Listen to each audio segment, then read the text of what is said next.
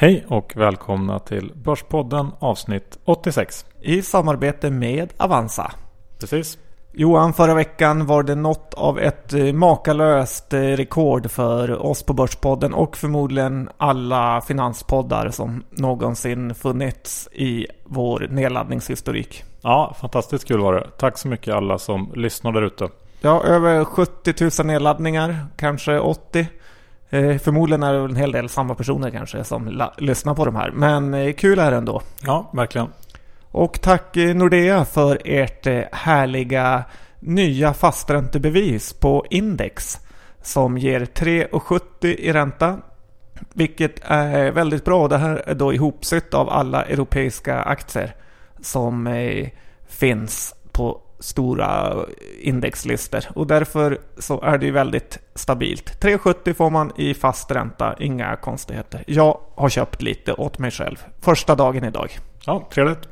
Och glöm såklart inte bort deras blanka produkt. När man minst anar det så kommer den att behövas. Ja, nu börjar det bli minst också. Sen John, så har vi ju våran härliga sponsor Infront. Ja, skaffa en terminal för guds skull. Ja, prata med din mäklare så fixar de det. Det är ett måste nu när rapportperioden drar igång. För att hålla koll på nyheter och flashar och allt vad som händer. Annars har man ingen chans där ute. Och missa inte att vara med i den här tävlingen där du kan vinna sex månader av deras eh, mega super version Infront Plus. Med alla analytikers estimat och mer jum-jum. Ja, den är fantastisk. go.goinfront.com BP. Är, det inte lättare att du twittrar ut eh, länken än du säger den i internetradio? Ja, det kan jag också göra. Bra Johan. Vad ska vi prata om idag då? Ja, Eh, idag blir det ju lite snack om vad som hänt här på slutet. Kina, bud, eh, allt möjligt. Och så blir det även tre stycken intervjuer ifrån sedermera dagen i Lund. Det blir eh, Ivysys som nyligen, nyligen gick in på börsen. Det blir Face Holographic och det blir Cantargia. Men det är bra grejer. Och när vi ändå pratar om sedermera så är det faktiskt en sedermera-dag till. Och inte i storstan utan i Göteborg. Den är den 5 maj i, på Clarion Hotel Post i Göteborg. Och alla ni från Götet och västsidan av Sverige har en chans att träffa eh, Idogen, Coreline som ska in på börsen. Även Arkoma som vi inte fått höra så mycket om kommer vara där. Ja, det ser man. Dessutom Börsbar med gratis dricka och träffa VDR på lite lösare snack. Skoj! Och sen ska vi lotta ut de här bilderna på oss själva och Günther och Jan som vi hade i vårt förra avsnitt. Det är ju lite skamkänslor vi har kring det där Johan. Ja, ganska mycket faktiskt. Och vi får säga att du, jag och Jan sa att det var en vansinnig idé att låta ut autografer på oss. Medans eh, en kille som hette Günther tyckte att det var en fantastisk idé och även ville lägga till att man skulle rimma. Ja. Alltså det gick ju inte att hindra honom utan nu är vi där vi är. Ja, och därför kommer vi efter det här avsnittet twittra ut de två som har fått de här bilderna. Ja, sen tar vi och glömmer det här faktiskt ganska snabbt tror jag. Och sen kör vi bara igång det här avsnittet. Ja.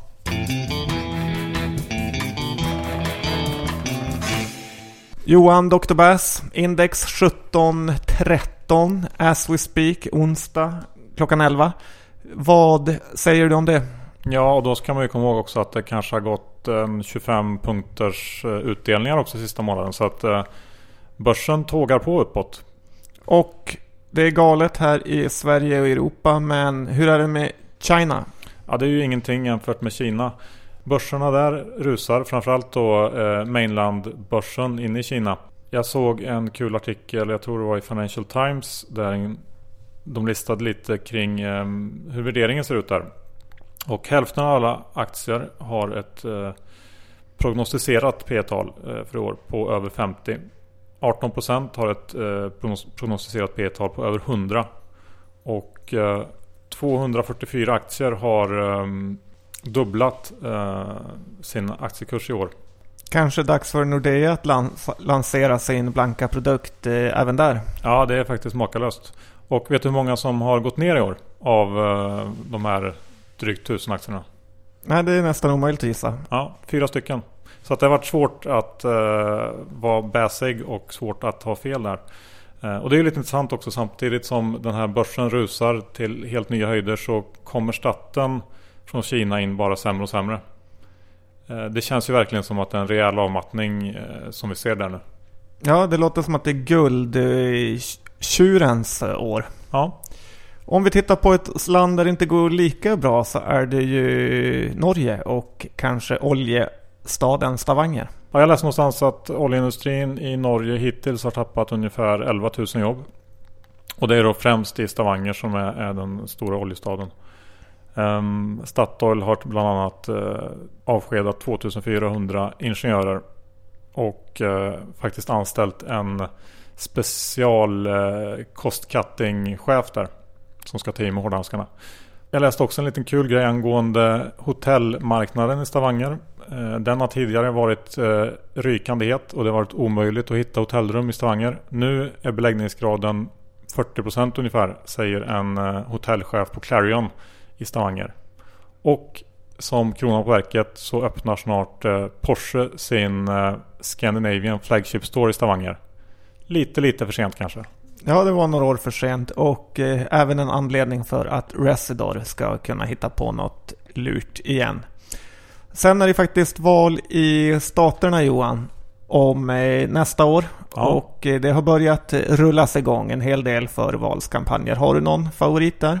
Nej John, jag har nog ingen riktig favorit. Jag kanske ska säga som Göran Hägglund sa eh, för något år sedan i en intervju att han gillar Frank Underwood väldigt mycket. ja men eh, han känns ju ganska farlig i och för sig. Har du någon? Ja, men jag håller mig nog ute på högra Tea Party-rörelsekanten om vi kan hitta någon favorit där som kan ställa till med lite skrällar. Det är ju, ska bli skoj att följa, framförallt när vi åker dit. Sen är det lite ETF i USA Johan som det snackas om. Ja, jag såg en eh, ganska kul grej att nu har man lanserat en short squeeze ETF. Och det måste man väl se som ett riktigt eh, håstecken i tiden. Hur, hur är det ni säger i Värmland? Vadå? Höst brukar du säga. det brukar jag inte säga. Jag såg, jag såg också en annan eh, lite intressant ETF-grej och det är att eh, en av de största Europa-ETFerna, eh, Wisdom Trees, eh, hedgade Europa-ETF, som alltså är dollar då, har haft helt eh, sjuka inflöden på slutet. Inte så konstigt kanske, men, men eh, ändå intressant att se. De hade en miljard dollar eh, i assets för ett år sedan. Och nu har den ETFen 20 miljarder dollar. Och eh, ja, det är ju ett brutalt inflöde till Europa. Och det ska bli lite intressant att se hur hela det här ETF-universumet eh, klarar av en annan typ av börs. För att det blir ju väldigt speciella rörelser av, av sådana här stora ETF-inflöden. De blir väldigt mekaniska och man köper in korgar av aktier. Och, ja, det kan bli konstiga saker av det här tror jag. Ja, om det inte redan är det. Ja. Sen har Sandvik sin kapitalmarknadsdag i Gimo den 16 november. Ja, vad säger du om det? Jag hånskrattar lite åt att eh, ögonkänneriet i Sandvik, att flytta huvudkontoret från Sandviken ner till Strandvägen och sen kör man en liten kapitalmarknadsdag i Gimo för att släta över det. Ja. Ibland tänker jag att vi är nästan för taskiga med Olof Faxander. Men varje gång jag ser honom live så känner jag att den där mannen har så gott självförtroende att han kan tåla lite från Börspodden. Ja, men det kan han faktiskt. Du John, sen får vi ju ganska mycket frågor om fixed income och räntor och hur man ska placera pengarna för att få lite eh, säkrare avkastning. Och eh, vad säger du där? Ja, men ta en titt på den legendariske börschattaren Petruskos eh, blogg. Där skriver han om allt från amerikanska preferensaktier till de mindre här i Sverige. En hel del roliga grejer i fixed income-universet. Ja, bra. På tal om de som inte är lika safe på fixed income så har vi den svenska daytrading-eliten som man kan se på Instagram och eh, Twitter är och härjar i USA, Coachella-festivalen. Ja. Så att eh, ni där ute som vill ha ett stekigare liv än mig och Johan så ta och följ de här grabbarna för där bränns det pengar. Men vi ska också till USA Johan. Ja, precis. Och ännu har ingen hört av sig om Berkshire Hathaway-aktien av de 18 på Avanza. Nej. Jag vet inte, de kanske inte lyssnar på Börspodden. Och Per H Börjesson, du behöver inte mejla mer. nej, men, eh, nej, men det ska bli skoj. Vi kör ju Berkshire Hathaway-eventet och sen eh, en sväng till New York för att bland annat gå på den här Ira Sun-konferensen där alla stora hedgefondstjärnor drar sina senaste ja, case eller vad man ska kalla det. Bland annat Ekman kommer dit, så det ska bli också väldigt skoj. Ja, vi skulle snacka just innan honom va? Ja, jag tror det. Vi får se hur det blir. Jag har inte fått det bekräftat än. Och i och med det här så lanserar vi den här veckan en liten Twitter-lek där vi lägger ut roliga bilder på amerikanska bolag. Det finns ju ofattbart många amerikanska bolag. Så om jag ser ett, eller Johan, ett roligt eh, bolag som man faktiskt kan handla och äga aktier i så kommer vi twittra ut det. Ja, men du John, när vi är ändå inne på det här med USA och du som är säljchef här på Börspodden. Eh, har du fått in någon mer sponsor här för att finansiera USA-resan? Flygresor, flygresor.se Nej Johan, vi har faktiskt inte de som sponsor. Och efter att ha bokat de här resorna till USA så förstår jag att de här sökmotorerna på eh, olika hotell och flygplan kommer att dö ut när Google är så helt fantastiskt. Eller hur? Ja, verkligen. Du visade mig när jag höll på att söka i blindhet att det är bara att gå in på Google och sen skriva Omaha, New York och vilken dag. Så kommer Google upp med en helt fantastisk presentation av jordens alla flygbolag. Så Google ska man inte räkna ut även om aktien har haft tufft. Snarare ska man räkna ut nästan alla andra som konkurrerar mot dem.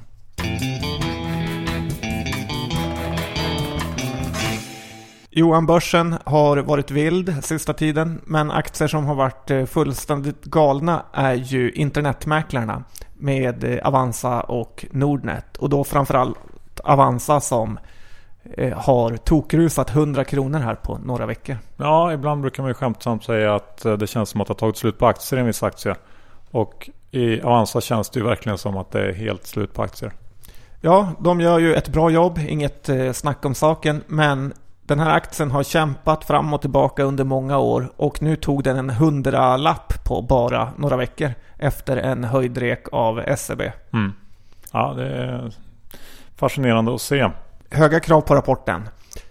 Sen har vi den här elefanten i rummet Johan. Hexatronic. Du har faktiskt tittat lite på rapporten.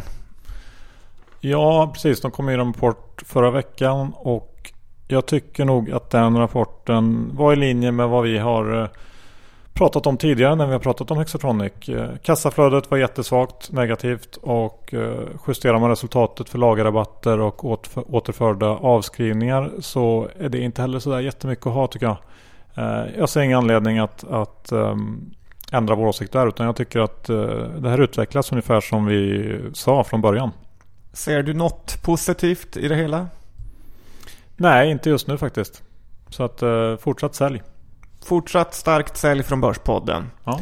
Du John, sen så drar rapportperioden igång här på fredag på riktigt. Ja, jag ser att du gnuggar händerna för alla pengar som du ska tjäna. Ja, jag vet inte riktigt eh, om jag ska det eller inte. Vi får ju se. För att det ska bli väldigt intressant nu på fredag när SKF kommer in som ju är det första stora bolaget.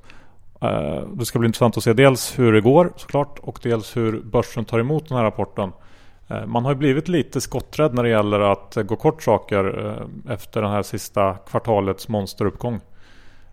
Så att det där blir väldigt intressant och SKF i sig bör ju leverera lite styrka i Europa om man vill se att det ska förbättras. Och jag skulle gärna se en uppjustering också i, sin, i deras outlook. Men som sagt, en stor dollarvinnare.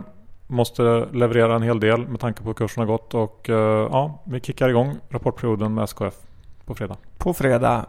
Två andra bolag som eh, har varit lite som eh, Avanza Nordnet fast i miniatyr är ju Nokia och Ericsson. Mm.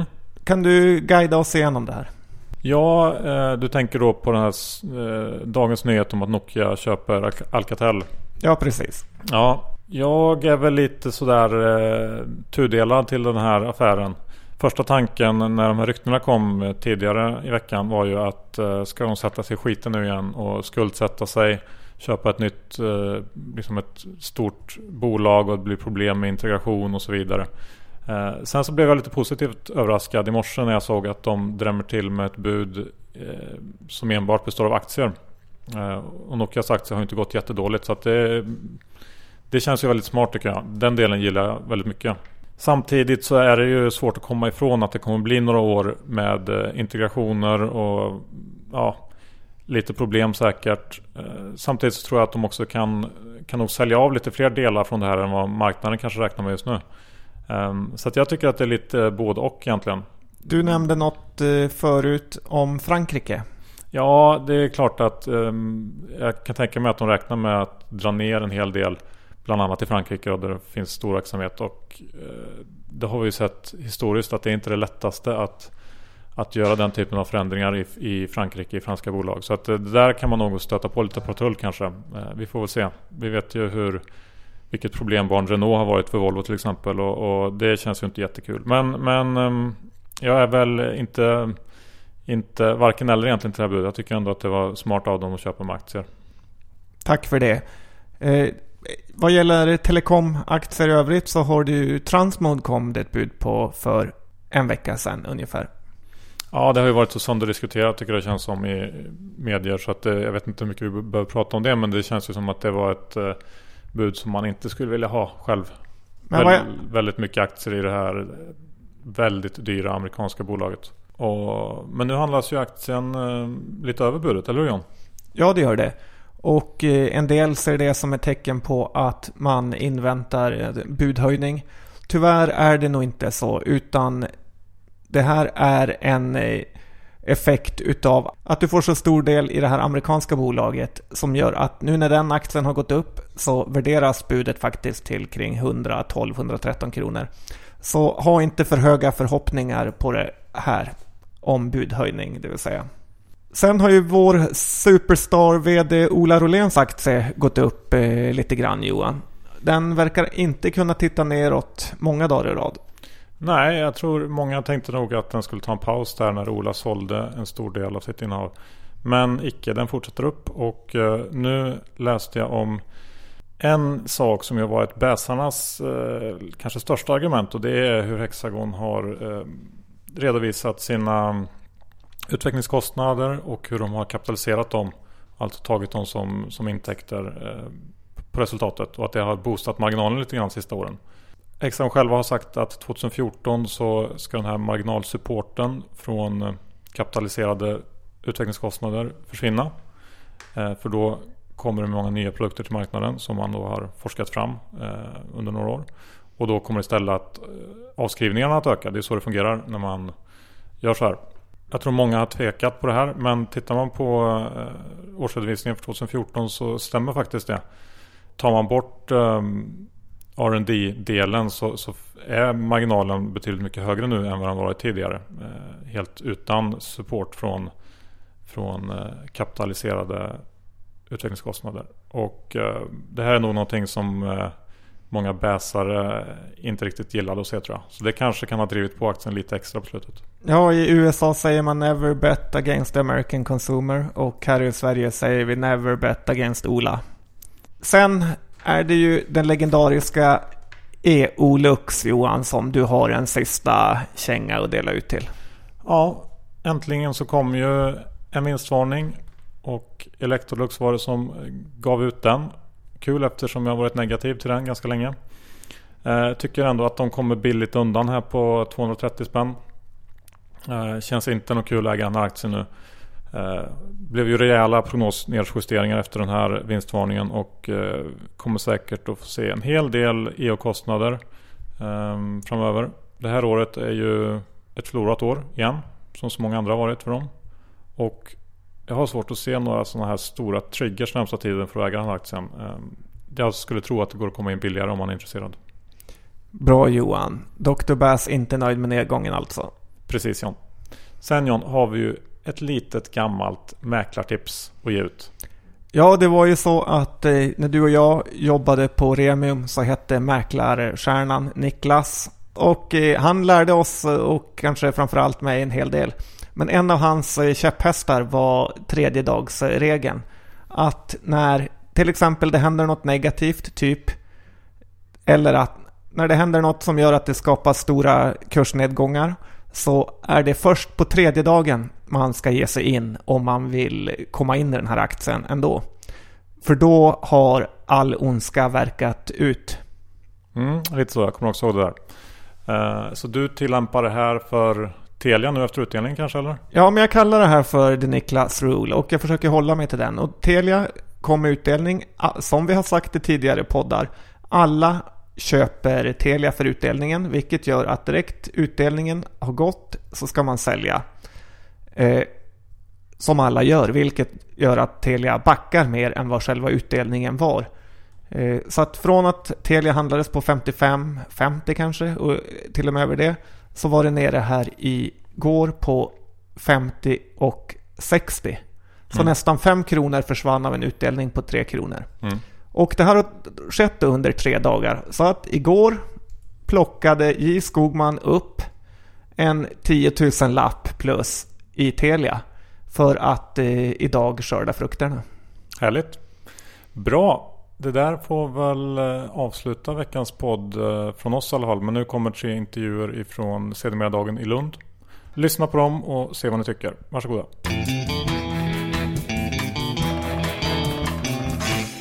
Då välkomnar vi Ivesys VD Jakob eh, Kesche. Välkommen. Tack ska du ha. Hur mår du? Vi, jag mår jättebra. Det är ju en eh, rolig dag att komma ut och presentera för investerare här. Ni är på väg in eh, till börsen här snart. Har väl avslutat teckningsperioden va? Vi avslutade, vi avslutade den 12 mars och fick övertecknat den publika delen med tre gånger. Och vi fick 435 nya aktieägare. Vilket vi är väldigt glada för. Ja men det låter ju skoj. Eh, vi kanske kan börja med att du berättar lite kort översiktligt om vad eh, ni gör. Ivesys är ett eh, teknikföretag som har tagit fram en lösning till kvalitetssäkring. En eh, kvalitetssäkring till industrin där man använder kameror som ska ersätta den manuella kontrollen, det mänskliga ögat ute i produktionerna. Idag är kraven på eh, tillverkning, tillverkningsindustrin väldigt, väldigt höga. Det accepteras ju i princip inga fel. Och det betyder att man ofta tvingas göra en slutkontroll på sin produkt som idag oftast är manuell. Och där har vi en lösning som inte tidigare funnits. Okej, och eh, är det här någonting som ni redan har ute i uh, fabriker, up and running, eller är det någonting som är på väg ut? Vi har idag två betalande kunder och har ett antal pilotprojekt där vi testar ut i verkligheten hos kunder som sedan, eller vi testar det eh, i pilotsammanhang och så blir det ju oftast till kunder eh, där var vi testar det. Kan du berätta lite hur processen går till när ni upptäcker de här felen eller hur, hur ni gör för att kvalitetssäkra som skiljer er från andra? Det som skiljer Ivisys Pro, och en produkt, från andra existerande Vision-produkter i marknaden. Det har ju funnits Vision i väldigt många år. Det är att vi har en lösning som är mycket mer flexibel. Det vill säga vi kräver inte fixturer. Vi kräver inte en massa... Eh, som jag föreställer sig bryggerierna. Om du har eh, en, en kvalitetskontroll av eh, en ölflaska på, på linan så känner vi allihopa oss den här bilden när ett flaskan passerar förbi och man kollar om labeln är på, om kapsylen är där, om flaskan är ren etc. Allt det här. Och det är ju något som funkar väl och alltid har funkat väl med, med automatisk kontroll. För det är en väldigt stor produktion, väldigt långa förlopp och man kan bygga specifika eh, inspektionsstationer till det. Det är väldigt få verksamheter som idag har den typen av verksamhet. De flesta kör väldigt korta serier. Och då kan man inte ha en anpassad customiserad lösning. Då måste du ha en flexibel lösning som du kan sätta in till när du bara kör 1000 styck, 5000 styck av någonting. Och det är det som vi har tagit fram och som inte finns på marknaden idag. För allt som finns idag är byggt till den specifika kundens specifika behov. Säljer ni mjukvaran, hårdvaran? Vi är det man kallar en solutions supplier. Eller, eh, vi, vi levererar hela lösningen. Det vill säga vi tar ansvaret hela vägen ut. Och Det betyder också att vi har ett fortgående eh, relation till kunden. Att kunden köper också serviceavtal av oss och har en licensavtal. Och vi har en, en pågående kundrelation. en anledning till att eh, ni blev så populära har kanske lite att göra med eh, Canons bud på Axis. Och den, har ni några likheter med Axis?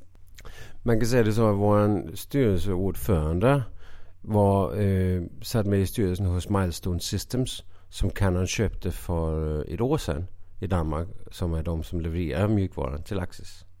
Så vi har väldigt många trådar i båda riktningar. Men man kan säga Axis levererar ju en, en lösning som liknar vår väldigt mycket. De tittar på omgivningen brett med sin lösning och vi tittar väldigt fokuserat ner på produktionslinan på produkterna.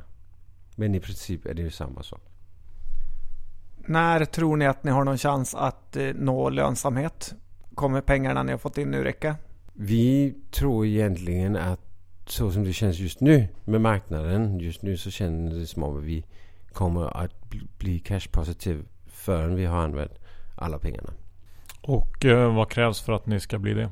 det vi, har en, eh, vi har en väldigt hög marginal. Vi har 70% på våra produkter när vi säljer i initialskedet. Sen har vi ju också väldigt bra marginaler när det gäller de efter, efterföljande intäktskällorna i form av servicekontrakt etc. Men bara på de 70% som vi får vid installationen så behöver vi inte sälja så himla många förrän vi går break-even och förrän vi börjar tjäna pengar. Vad är det ni ska använda pengarna till som ni har tagit in? Vi har tagit in 12,2 miljoner kronor här i första skedet. Och vi har, vi har gett vår första aktionärer här har vi gett en teknisk option så de får möjlighet för att köpa ytterligare aktier om ett år för ungefär 80 miljoner kronor. Det vill säga vi har 12 nu och vi får 8 om ett år. Det är ganska mycket pengar. Det är 20 miljoner kronor. Och vi ska använda allting till att sälja och leverera så många installationer som möjligt där ute i marknaden så fort som möjligt där. Produkten är klar. Produkten är helt färdig. Och det enda vi ska göra med produkten det är egentligen att mogna den och ta in den, den feedback vi får från marknaden och justera den så den blir spot on. Kan du ge några exempel på vilka kunder ni har? Vi börjar med att fokusera på eh, fordonsindustrin, det vill säga komponenttillverkarna till fordonsindustrin. För de möter väldigt höga kvalitetskrav och gör ofta en produkt som, som inte nödvändigtvis är i särskilt stora serier. Det är ju hela det här med lean och just in time och man liksom inte kör mer än kanske de 500 eh, artiklarna som ska användas imorgon på produktionsbandet i, i bilfabriken. Så det är väldigt korta serier och väldigt höga kvalitetskrav. Så där börjar vi. Den, den marknaden som består av över 3000 producenter i Europa. Där börjar vi med att, att fokusera. Vad är uh, ert främsta argument när ni säljer in? Eller när ni kommer åka runt och sälja in till kunder? Varför ska man uh, köpa era grejer? För att ersätta manuell kontroll som man har idag. Och det vill säga man sänker kostnaden på den manuella kontrollen och tar bort den och ersätter den med en maskin. Man får en högre kvalitet på sin kvalitetskontroll. Men mänsklig kontroll är inte 100%. Och man har eh, en, en kontinuitet i, i, eh, i, den, i det resultatet man kan leverera till kunden. Man kan, man kan processera en, en, en rapport till kunden som egentligen är en tredjepartskontroll. För det är inte dig som skriver under som leverantör. Det är vi med maskinen som skriver under. Men har ni några risker på försäkringssidan om vi säger så att ni ändå råkar släppa igenom en produkt som inte är okej? Okay? Är det eh, så att ni kan få väldigt stora skadeståndsanspråk på er då? Vi sätter inte upp maskinen ute i, eh, i... Vi levererar en lösning som kunden kan använda i sin verksamhet. Sen kan kunden på, på en dags träning lära sig att sätta upp maskinen till det ändamål de vill och på den nivån de vill kontrollera. Så det är inte vi som sätter upp kontrollen ute i fabriken. Vi gör inte customiseringen, Det gör kunden själv. Okej. Okay. Eh, hur ser ägandet ut i det här bolaget? Jag är den största ägare. Eh, tätt följd av min eh, partner CTO i bolaget Moatas Semchehyber Som är mannen bakom patenterna och bakom eh, algoritmerna som ligger i botten på vår produkt. Jag har själv i den här listningsemissionen gått in med 2,3 miljoner av de 12,2. Um, ehm, så det är väldigt högt commitment från, från management. Och, um, och efter, efter listningsemissionen så har vi blivit utspätt med 25 procent. Så det vill säga att utöver de initiala aktieägarna så finns det eh, 25 procent av ägandet som är fördelat ut på 435 aktionärer. Bra, då tror jag att vi har fått en, i alla fall en överblicksbild av Ivysys. Eh, om du får eh, de sista 30 sekunderna här till att eh, förmedla ett budskap till våra lyssnare här om varför man ska i alla fall fundera på att eh, investera i Ivysys. Vad skulle du säga då? Om man investerar i Ivysys då får man en aktie i ett bolag som har några väldigt klara definierade mål för att gå ut och ta en marknad som är väldigt stor och i kraftig växt. Samtidigt med att de har en färdig produkt som går att sälja direkt till marknaden. Kort och koncist. Tack så mycket Jakob och eh, lycka till här eh, när ni går in på börsen. Tack så mycket.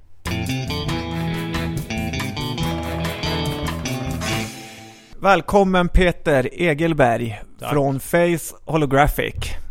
Tack så Tack. Kul att ha dig här för Börspoddens lyssnare. Ni har ju just eh, genomfört en eh, nyemission, eller det var någon månad sedan. Och eh, aktien har eh, klättrat upp ganska ordentligt. Kan du berätta lite vad som har hänt senaste kvartalet? Ja, jag kan väl säga som så att, att ska jag vara ärlig så var vi lite besvikna på eh, kursutveckling efter nyintroduktionen. Eh, men vår analys av det hela är att vi gjorde, att vi var väldigt tydliga med den planen vi hade. Att ja, vi hade ett kapitalbehov. Vi tog in först 7 miljoner. Och sen så hade vi en plan. Vi skulle ta in ytterligare 7 och sen så i tredje steg ta in 7 miljoner. Eh, men det föll inte aktiemarknaden riktigt smaken. Så att många väntade då med att gå in i bolaget, tror vi. Eh, vad vi gjorde var att vi slog ihop eh, de två efterföljande emissionerna i en emission och tog den då i, eh, i september här nu förra året. Så jag tror att det är huvudorsaken egentligen till att, att aktien har stigit sedan dess. Att nu är liksom det här nyemissionshotet eh, undanröjt. Ja, så kan det säkert vara. Men, men eh, för alla lyssnare som inte riktigt har koll på er. Vi Mm. kan väl börja med en, en liten snabb eh, genomgång om vad ni gör egentligen. Ja, vi jobbar alltså med cellanalys och eh, vårt instrumentering eh, analyserar odlade celler. Och odlade celler använder man i alla sammanhang inom medicinsk forskning. Man börjar med odlade celler eh, för att sen gå på djurförsök och sen till slut på människa. Eh, odlade celler är det enda sättet att jobba med humanceller innan man går in i klinisk fas. Så det är ett väldigt viktigt steg av det skälet bara.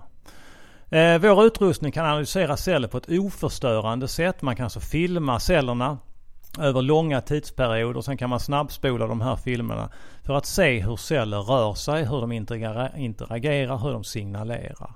Detta är något nytt eh, eh, som inte har funnits i någon större utsträckning tidigare.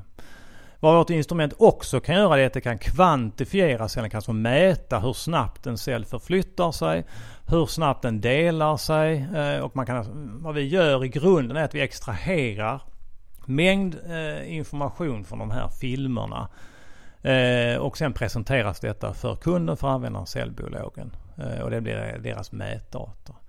Traditionellt eh, så jobbar kunderna med flera typer av instrumentering och alla de här, den här instrumenteringen är förstörande. Så man analyserar inte idag cellerna på cellernas villkor i den miljön som de trivs utan man tar ut cellerna ur cellinkubatorn där de ligger och gottar sig i 37 grader. Ut i en kall rumstemperatur och sen så in i ett instrument. Och då stör man cellerna och man får alltså felaktiga, kanske för mycket att säga, men man får alltså påverka ju cellerna och därmed de resultat som man vill ut. Så detta kan i värsta fall leda till att man, man eh, forskar åt helt fel håll därför man trodde det var på ett visst sätt men visade att det var en yttre påverkan som, som åstadkom detta. Och det var ingen inre egenskap hos cellen. Men ni har alltså en helt eh, ny teknik för mikroskop om man säger så. Ja, ja, vi jobbar med något som heter eh, holografisk mikroskopering. Eh, och det är då vår grundteknik. Och den ger då en rad fördelar. Bland annat att man kan fokusera i efterhand. Vi fångar upp den informationen som kommer ifrån cellerna, ljusinformationen. Sen räknar datorn fram bilden. Och den här kan, datorn kan då räkna i olika plan och den kan då presentera den bild eh, där cellerna är i fokus. Så spelar man in en film över flera dagar, kanske en vecka. Eh, som det är med traditionell teknik så kan mikroskopet glida ur fokus så är den timelapsen eller då, fotograferingen förstörd.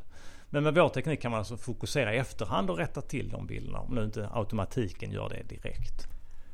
Ett bolag som har gått eh, vansinnigt bra på börsen är ju Cellavision. Men de håller väl på med den gamla tekniken då enligt dig? Ja, så då, där, de, eh, det är traditionell teknik och de jobbar inom blodanalys. Eh, där färgar man in cellerna. Man gör ett blodutstryk eh, på ett objektglas och sen så tittar man på cellerna. Och detta är en klinisk tillämpning. Vi jobbar ju på forskningssidan där man forskar med levande celler. Eh, Cellavision analyserar inte levande celler. Hur stor är den här marknaden då? Eh, det är forskningslabb och liknande som köper in era produkter? Ja, det finns ungefär eh, 70 000 cellabb runt om i världen. Eh, vårt instrument eh, som vi har idag som heter Holomonitor M4 kostar 30 000 eh, euro ut till kund. Så det gör att vi ser en årlig total potential på 3-4 miljarder. När kommer ni börja sälja på riktigt? Ja, vi säljer på riktigt redan nu. Eh, vi, det mål vi har satt upp är att vi ska då etablera oss genom att nå marknadsacceptans. Eh, att få vår teknik etablerad. Eh, detta är ett väldigt viktigt steg för det är att bygga den grund som krävs för att en större säljorganisation ska kunna sälja ny teknik.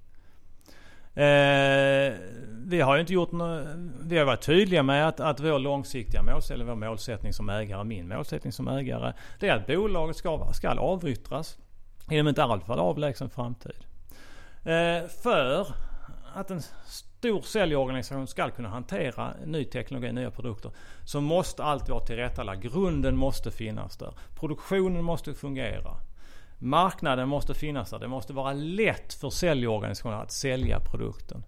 Upplever säljaren den här stora organisationen att det är ett svårsåld produkt så kommer affärsutvecklarna aldrig att lyckas sälja in det här till säljorganisationen. Så det är verkligen viktigt att göra grundarbetet innan man tar upp diskussioner. Det är alldeles för många bolag som har gjort det misstaget. Man har gått in alldeles för tidigt och skrivit avtal. Man tror oh, guld och gröna skogar. Nu har vi ett avtal med jätten Glufs Glufs här. Eh, de kommer bara sälja på som satan. Men har man inte gjort hem, hemläxan? Ja, men, så fort volymerna går upp, man kan inte producera, börjar knaka i fogarna. Eh, säljarna upptäcker att nej det här är inte lättsålt. Ja då åker det rätt ner i produktlistan och hamnar längst ner i produktkatalogen. Men hur ser det ut för er då? Hur ser försäljningskurvan ut? Ja, vi, har, vi kommer att öka rejält det här året i förhållande till förra, föregående år. Eh, vi har för närvarande en orderstock på 1,7 miljoner, eh, vilket är väldigt trevligt. Så att eh, vi ser ju tydligt att försäljningen kommer att öka för oss. Men det här du sa att ert fokus ligger på att inom eh, någon slags, inte alltför avlägsen framtid, att bli uppköpta. Mm. Eh, det gör ju kanske att man får bedöma er utveckling på något annat sätt än vad man hade gjort om ni hade någon annan slags mål. Att ni kanske själva skulle växa organiskt och bli ett stort företag. Eh, du nämnde ju själv här med att ni, ni fokuserar på att eh, lägga upp processer och, och liksom själva bolaget så att det ska bli attraktivt för en, en större spelare. Hur, hur, vad ska man leta efter eh, för att förstå om ni går framåt eller inte i den här, den här vägen mot att eh, hitta en köpare? Man ska säga. Ja, det är ju antalet instrument i drift är en viktig parameter. Eh, hur framgångsrika vi är med att etablera samarbete med opinionsledare. Hur framgångsrika vi är med att etablera Centers of Excellence. Det vill säga eh, universitet eller institutioner på universitet som vi samarbetar med eh, för att sprida kunskap om eh, vår teknologi och för att utbilda närområdet. Vi har etablerat ett sådant Center of Excellence i Boston. Eh, som, är ett av de här, som är ett av life science-naven i världen. Eh, så detta är liksom, och det är detta som potentiella tagare av vår verksamhet kommer att titta på. Därför det är det som är den grundläggande marknadsföringen som, som behövs för att kunna sälja. Man behöver referenskunder, man behöver vetenskapliga resultat. För det är vetenskapliga resultat som säljer vetenskapliga instrument och ingenting annat. Så därför är det väldigt viktigt. Når vi väl där, det börjar publiceras i stor omfattning vetenskapliga resultat som är publicerade, eller som är producerade av eh, vårt instrument, ja då är vi hemma. Men har ni något bevis då på att er nya teknik är bättre än den gamla? Problemställningar vi jobbar med idag är att eh, tillgodose efterfrågan på våra produkter. Eh, kunderna är väldigt nöjda med funktionaliteten. Eh, vi får Ständigt så får vi beröm för programvaran att det här är en eye-opener för dem. De kan se celler hur de utvecklas med tiden. På ett helt annat sätt än vad de kan, vad de kan eh, ha kunnat se tidigare. Eh, några av våra referenskunder eller opinionsledare börjar prata om att publicera i Nature. Eh, sen om det håller hela vägen, det vet inte jag. Va? Men bara det att de tänker tanken att publicera i världens mest välrenommerade tidskrift är, pekar tydligt på att, att de resultat de har uppnått är väldigt bra. Ja, det låter ju spännande. Hur ser ägarbilden ut i företaget? Eh, Technocid som är ett litet såldkapitalbolag eh, här nere i Lund är den största ägaren. Eh, sen är jag nog eh, nummer två tillsammans med mitt bolag och jag som privatperson. Eh, sen har vi ett antal internationella delägare också. Vi har en större internationell ägare som sitter i Australien som har varit med oss eh, en tid tillbaka långt innan själva emission, eller listningen av bolaget också. Och nu är ni lite eh, småfyllda med pengar med efter senaste emissionen. Kan du avslutningsvis säga varför man ska ta en liten position i Face Holographic som krydda i portföljen? Dels för att eh, vi naturligtvis tror att vi kommer att eh, lyckas med detta. Eh, vi har kommit förbi grundforskningen. Vi är liksom, var vi är nu det är att vi är på väg mot en marknadsgenombrott. En annan aspekt och varför jag själv tycker det här är väldigt kul att jobba med. Det är för att det finns en annan dimension. Jag har aldrig varit intresserad av att sälja nylonstrumpor till exempel. Utan det, det, för mig det är ett värde att jobba med en, instrumentering som faktiskt kan bidra till att lösa cancerns gåta. Forskare idag, eh, cancerforskare, lider brist på instrumentering. Det är inget som man finansierar offentligt i någon större omfattning. Det är upp till oss företag att faktiskt ta fram de verktyg som krävs för att lösa cancerns gåta. Utan nya verktyg, och det gäller all vetenskaplig framsteg, alla vetenskapliga framsteg.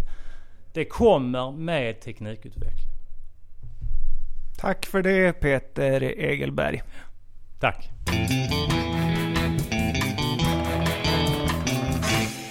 Just nu sitter Göran Forsberg mitt emot mig, VD för börs, eh, in, börssuccén Cantargia. Välkommen hit! Tack så hemskt mycket. Det är trevligt att vara här och träffa er igen. Hur känns det så här första veckan som eh, börs-VD? Ja, det är väldigt kul att vara börs-VD tycker jag. Det är, för det första så är det ju alltid roligt att ha en aktie som har visat stort gensvar. Men det är också spännande för det är mer verk på verkligheten så att säga när man är på börsen än när man är ett privat bolag. Ja, det är nu det börjar gälla. Hur mycket pengar tog ni in? 44 miljoner. På ett bräde? På ett bräde plus eh, teckningsoptioner för ytterligare 55 miljoner. Berätta Så. lite hur vägen framåt ser ut och vad ni ska göra för att eh, sätta sprätt på de här 44 miljonerna. Samt hur länge de räcker. Jo, eh, vi har 44 miljoner då som vi ska använda till och det är i första hand produktionsutveckling här som är den stora kostnaden. Eh, vi kommer ta 18 månader ungefär från det att vi trycker på knappen, vilket vi är i färd med att göra just nu när vi har finansieringen på plats. Tills att vi har en produkt som vi kan spruta på patienter. Eh, så att det är ju helt klart flera delmål i den här produktionsutvecklingen nu som är väldigt viktiga att uppfylla enligt plan. Kostnaden för produktionsutvecklingen och produktion hamnar i storleksordningen 30 miljoner så det är ganska uppenbart vad vi ska använda huvuddelen av de 44 miljonerna till. Men när du säger eh, spruta på patienterna, vad är det ni gör som bolag i, om du ska förklara för en lekman? Okej, okay, så Cantargia har utvecklat en ny antikroppsbaserad terapi för cancerbehandling. Eh, och tanken är att vi ska kunna gå in och behandla ganska tidiga former av cancerceller som normalt är helt okänsliga för cellgifter, det vill säga de traditionella behandlingarna. Det här har stor eh, relevans till exempel inom leukemi. Där man normalt använder cellgifter och får, får undan huvuddelen av tumörceller. Men eh, behöver så att säga, någonting som slår på de tidiga formerna för att de utvecklas väldigt långsamt till mogna tumörceller och kommer tillbaka. Och därmed så svarar, så liksom går det utför med, i sjukdomen. Men ni har det här kommer nästan förebygga cancer eller? Ja, det skulle man ju vilja hoppas, men tyvärr är ju cancer en så pass avancerad sjukdom att eh, när vi pratar om förebygga och bota så ligger ribban väldigt högt.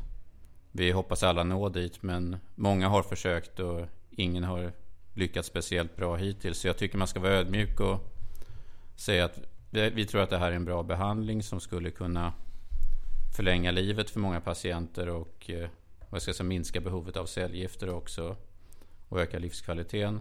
Men att ta så långt som att säga att vi skulle kunna gå in i ett väldigt tidigt stadium och förebygga cancern är kanske att så skruva upp förväntningarna ett snäpp för högt. Vad har ni egentligen idag? Eh, vad har ni för... Eh, ni har gjort en del eh, preklin. Ja, vi, alltså det, det, vi har gjort eh, djurförsök i, framförallt inom leukemi. De här finns också publicerade i väletablerade tidskrifter. Eh, Cantargia har ju tidigare varit ett bolag som har jobbat väldigt nära våra grundare på Lunds universitet. Och huvuddelen av den experimentella verksamheten har ju också utförts där. Vi tar ju nu nästa steg då att vad säger, ta mer och mer kontroll över de här mer regulatoriskt krävande studierna. Som inte kanske passar sig i en universitetsmiljö. Det kan vara toxicitetsstudier. Och det kan vara andra studier som kräver så säga, mer kvalitetskontrollerade system att utföra sig i. Och eh, det är de vi står inför nu helt enkelt. Och vi ska också försöka bredda vår kunskap vi har inom leukemiområdet till att även bli relevant inom andra cancerformer. Vad har ni för roliga triggers eh, framför oss här om man är aktieägare? Vad kommer hända och eh, vad kan hända med ett så här nytt bolag? Ja, jag, jag, skulle vilja räkna lite grann bakifrån. För det som är naturligtvis den riktigt stora triggern det är ju att vi får en möjlighet att börja behandla patienter och verkligen och sprutar in så här, vår substans i de första cancerpatienterna. Det hoppas vi ska ske i slutet av 2016.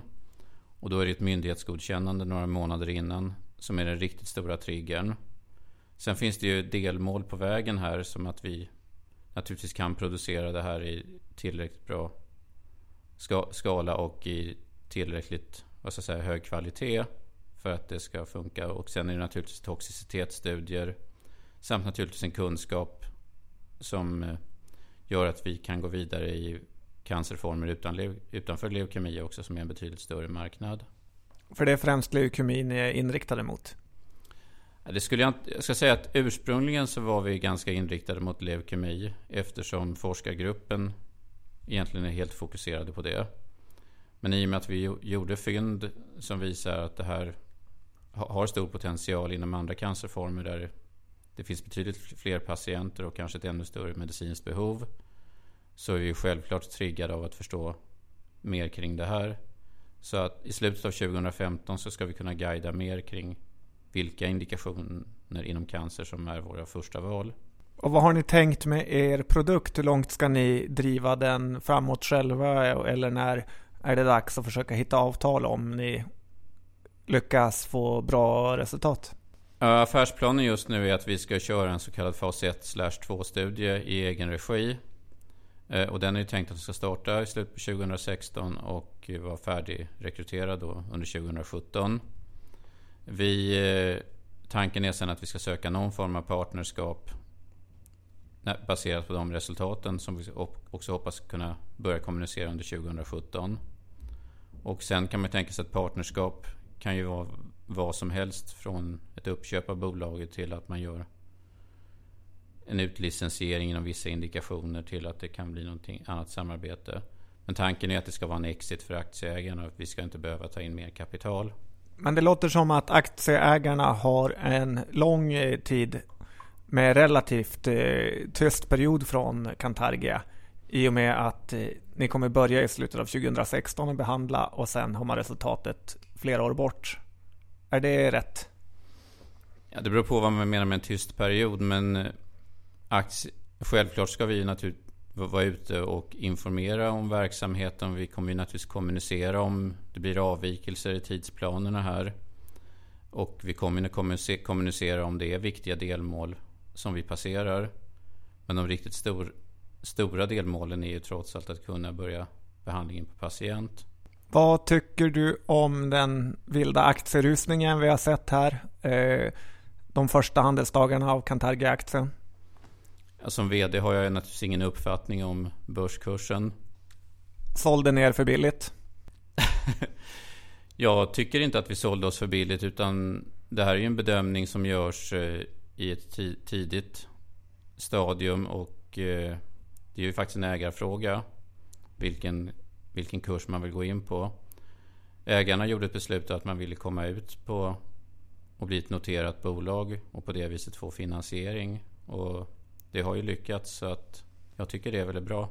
Tack för det. Om du eh, vill passa på att använda de sista sekunderna här av intervjun till att eh, eh säga någonting eh, om varför man eh, kanske ska fundera på att bli aktieägare i Cantargia så har du chansen nu.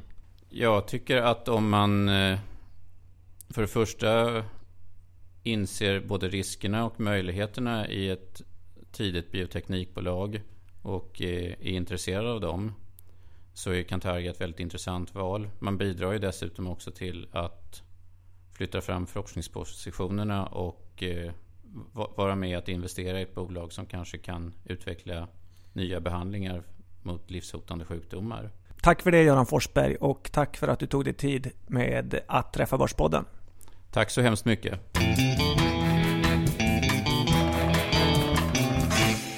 Ja John, veckans avsnitt klart. Tack Avanza. Tack så mycket. Tack sedermera för att vi fick låna era VDR och kom på deras dag i Göteborg den 5 maj och titta på Arkoma med mera. Ja. Tack Nordea för 3,7 procent i ränta. Ja. Fast räntebevisindex. Precis. Och tack Infront för sponsringen och för att ni ger oss marknadens bästa system för att handla aktier. Chansen till att överprestera. Precis. Och glöm inte att vara med i tävlingen. Vi har väl inte så mycket mer att säga idag John. Utan... Vi finns på Twitter. Facebook. Och mejlen. Ja, du är stor på Snapchat också. Ja. Bra. Ta det lugnt under rapporttradingen så hörs vi om en vecka igen. Tack och hej. Det blev bra.